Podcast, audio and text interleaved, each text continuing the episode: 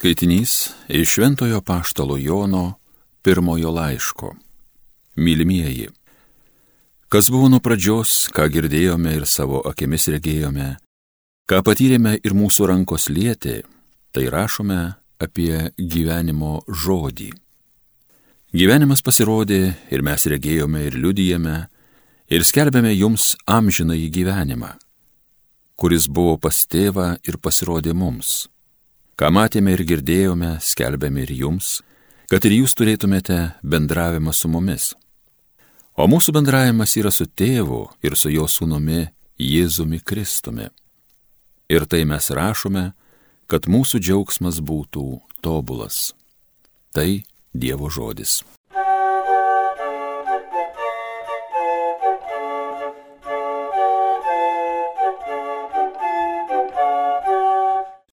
Teisingieji, džiaukitės viešpaties prieglopstį. Viešpats pasaulio valdovas, te džiūgauja žemė, te krikštauja salos. Jį juose debesys tamsus, teisė, teisybė grįstas jo sostas. Teisingieji, džiaukitės viešpaties prieglopstį. Sutirpsta kaip vaškas kalnai įsigandę prieš viešpatį viso pasaulio valdovą, byloja dangus apie jo teisingumą, jo garbingumą, regi pasaulis Teisingieji, džiaukitės viešpaties prieglopstį. Palaimo šviesa teisingajam šviečia, tiesio širdie žmogui linksmybė. Teisingieji, džiaukitės viešpaties prieglopstį, jo šventąjį vardą minėkit. Teisingieji, džiaukitės viešpaties prieglopstį.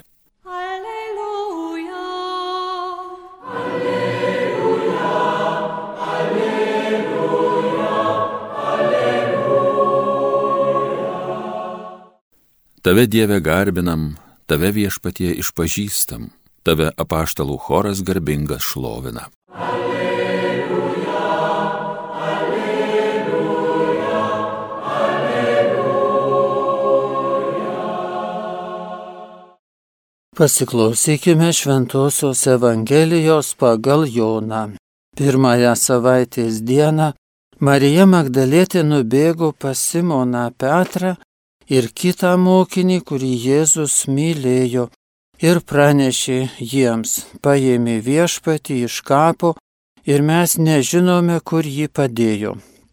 Petras ir tas kitas mokinys nuskubėjo prie kapo, bėgo abu kartu, bet tasai kitas mokinys pralenkė Petrą ir pirmas pasiekė kapo rūsį. Pasilenkęs jis mato numestas drobulės, tačiau į vidų nejo. Netrukus iš paskos atbėgo ir Simonas Petras.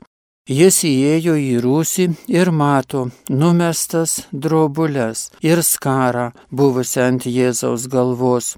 Ne su drobulėmis numesta, bet suviniota atskirai. Tuomet įėjo ir kitas mokinys kuris pirmas buvo atbėgęs prie kapo. Jis pamatė ir įtikėjo.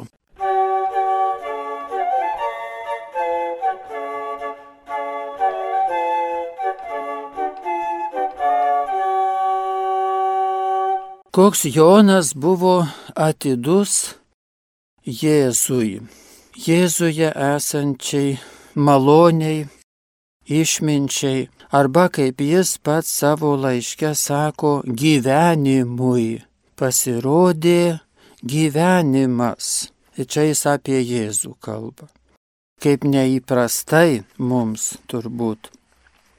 Gyvenimas labai nekonkreti savoka tokia, ką jis turi galvoj ir kartu labai, labai išsami atidus Jonas kaip žinome, tradicija į tokį mums pateikia kaip tą, kuris buvo priglaudęs galvą Jėzui prie krūtinės per paskutinę vakarienę, kuris buvo toks dėmesingas nepaprastai tam, ką Jėzus kalbėjo, ką mokė ir visam Jėzaus asmeniui.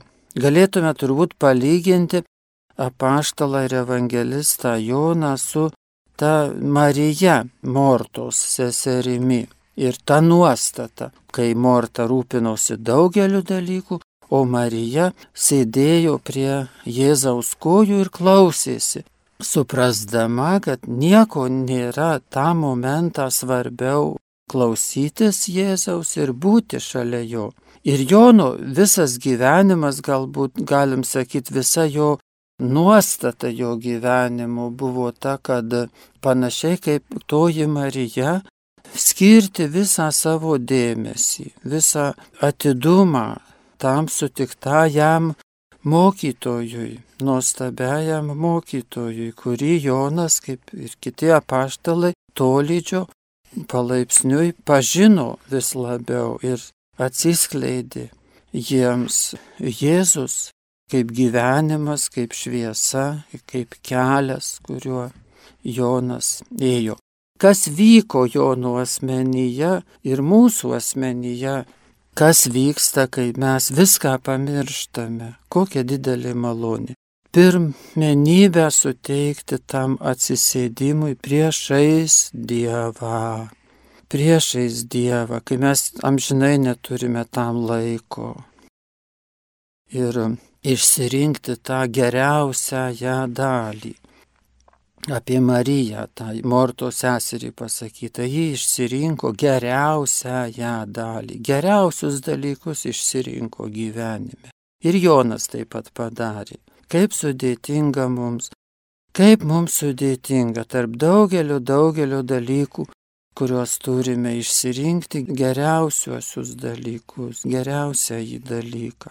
Ir štai skaitydami Evangeliją apie Joną, visų pirma, tą jo bruožą galėtume kiekviename puslapyje atsiminti, kad štai jisai viską užmirždavo ir būdavo su savo mokytoju, Dievo sūnumi.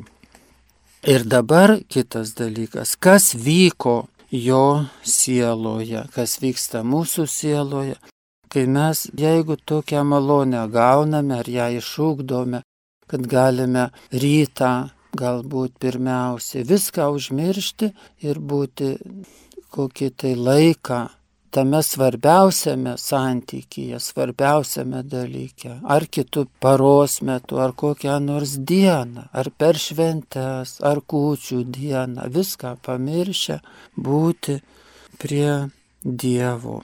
Kas vyksta, kas įvyko Jono asmenį? Jis pagyjo iš savo visokių trūkumų, kurių Evangelija nemini, nepasakoja, bet kaip žmogus kiekvienas mes turime kokių tai žaizdų, dvasinių, psichologinių. Kai mes būname šitame, galima sakyti, beveik tobulame santykyje su Dievu, viską pamiršę, mes tiesiog prisipildome Visų pirma, mes prisipildome, atsiranda galimybė būti pripildytiems, pripildytiems to gyvenimu, kaip Jonas sako, pasirodė Jėzuje gyvenimas. Visa praktika, turbūt mūsų visas mūsų dėmesys, visas mūsų mąstymas apie Dievą, tai yra pastanga būti pripildytiems tos dieviškosios gyvybės, Ir kai mes prisipildome jos, pildomės, nes niekada, niekada iki galo neprisipildysime šiame gyvenime, nes tai yra begalybė. Bet kai pildomės jos, mes gyjame. Ir antras dalykas, ką mes ugdomės, mes augame, nes praturtėdami tuo gyvenimu mes nejučia augame išmintimi ir malonė pas Dievą ir pas žmonės. Ir trečia, ką gauname, tai išvalgos. Prisipildydami tos gyvybės, gauname išvalgos gyvenime. Tos, kurios šiaip jau neturime arba ji yra labai ribota, stokojame. Ir tai galima pasakyti, kad Tai ugdo šitą nuostatą individą, asmenį, ugdo, gydo ir teikia įžvalgos. Ir taip pat bendruomenę arba visuomenę. Ši nuostata, šis pirmumo suteikimas Dievui, jis praturtina bet kokią bendruomenę. Jis ją gydo, ūkdo ir teikia jai išvalgos, kaip būti, kaip gyventi su Dievu, kaip teikti, kaip sakom, Dievui garbę, kad ji būtų tikra. Ir kaip gyventi tarpusavyje, kaip gyventi tikrų gyvenimų, tuo gyvenimu, kurį Jonas taip ryškiai pamatė ir kurį mums kiekvienam skirta pamatyti savo kasdienybėje nemažiau ryškiai.